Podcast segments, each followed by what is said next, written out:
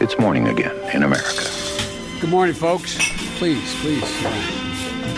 Come on, let's go. Let's go get some coffee. Thank you very much. I natt var det debatt. Det er tre dager igjen til primærvalget i South Carolina, og morgenkaffen er servert. Hvis du vil høre mye mer om debatten, så hører du på podkasten vår 2020, der meg, Isi Charleston, Vårin i DC og Are i Drammen snakka om det som skjedde i natt. Men her på Gaillard Center i Charleston så var sju kandidater på scenen. Vi i podkasten var enige om at eh, Joe Biden var ved nytt liv, og han var høyst involvert og kom muligens ganske godt ut av det. Det var Bernie Sanders som fikk klart mest eh, taletid, mens Tom Steyer fikk bare halvparten av de 15 minuttene til Bernie Sanders. Amy Klobuchar og Mike Bloomberg fikk også snakka mye, mens Mayor Pete snakka nest minst. Det var store angrep på Bernie Sanders fra de aller fleste kandidatene eh, tidlig i debatten.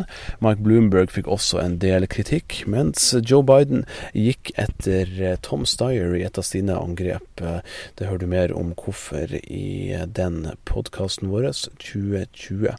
Ellers så er Sanders under angrep også utafor debattscenen her på Gaillard Center, der jeg sitter i Charleston.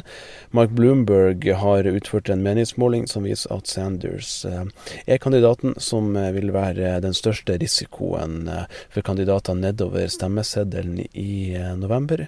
Den er utført blant velgere i 40 utsatte valgdistrikter, som demokratiske kongressmedlemmer holder i dag, og viser at Sanders er mindre populær enn Donald Trump i de, dog bare med ett prosentpoengs margin.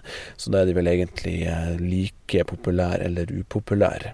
Joe Biden har også lansert en digital reklamefilm som angriper Sanders, etter at det kom frem at Sanders vurderte å stille mot Obama i nominasjonsvalget i 2012, noe han selv benekta, men han skal i hvert fall ha sagt at noen burde stille mot Obama. Ellers så har Mayor Pete kjøpt seg reklameplass i Super Tuesday-statene, i 12 av de 14. Han var en av de siste som har eh, gjort det. Supertirsdagen er altså 3. mars.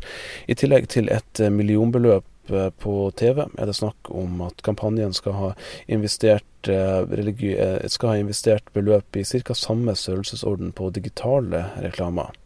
Trolig er det trang økonomi som gjør at de ikke har fått det på plass tidligere. Joe Biden er den eneste kandidaten som ikke har kjøpt reklameplass på TV i Supertirsdag-delstatene.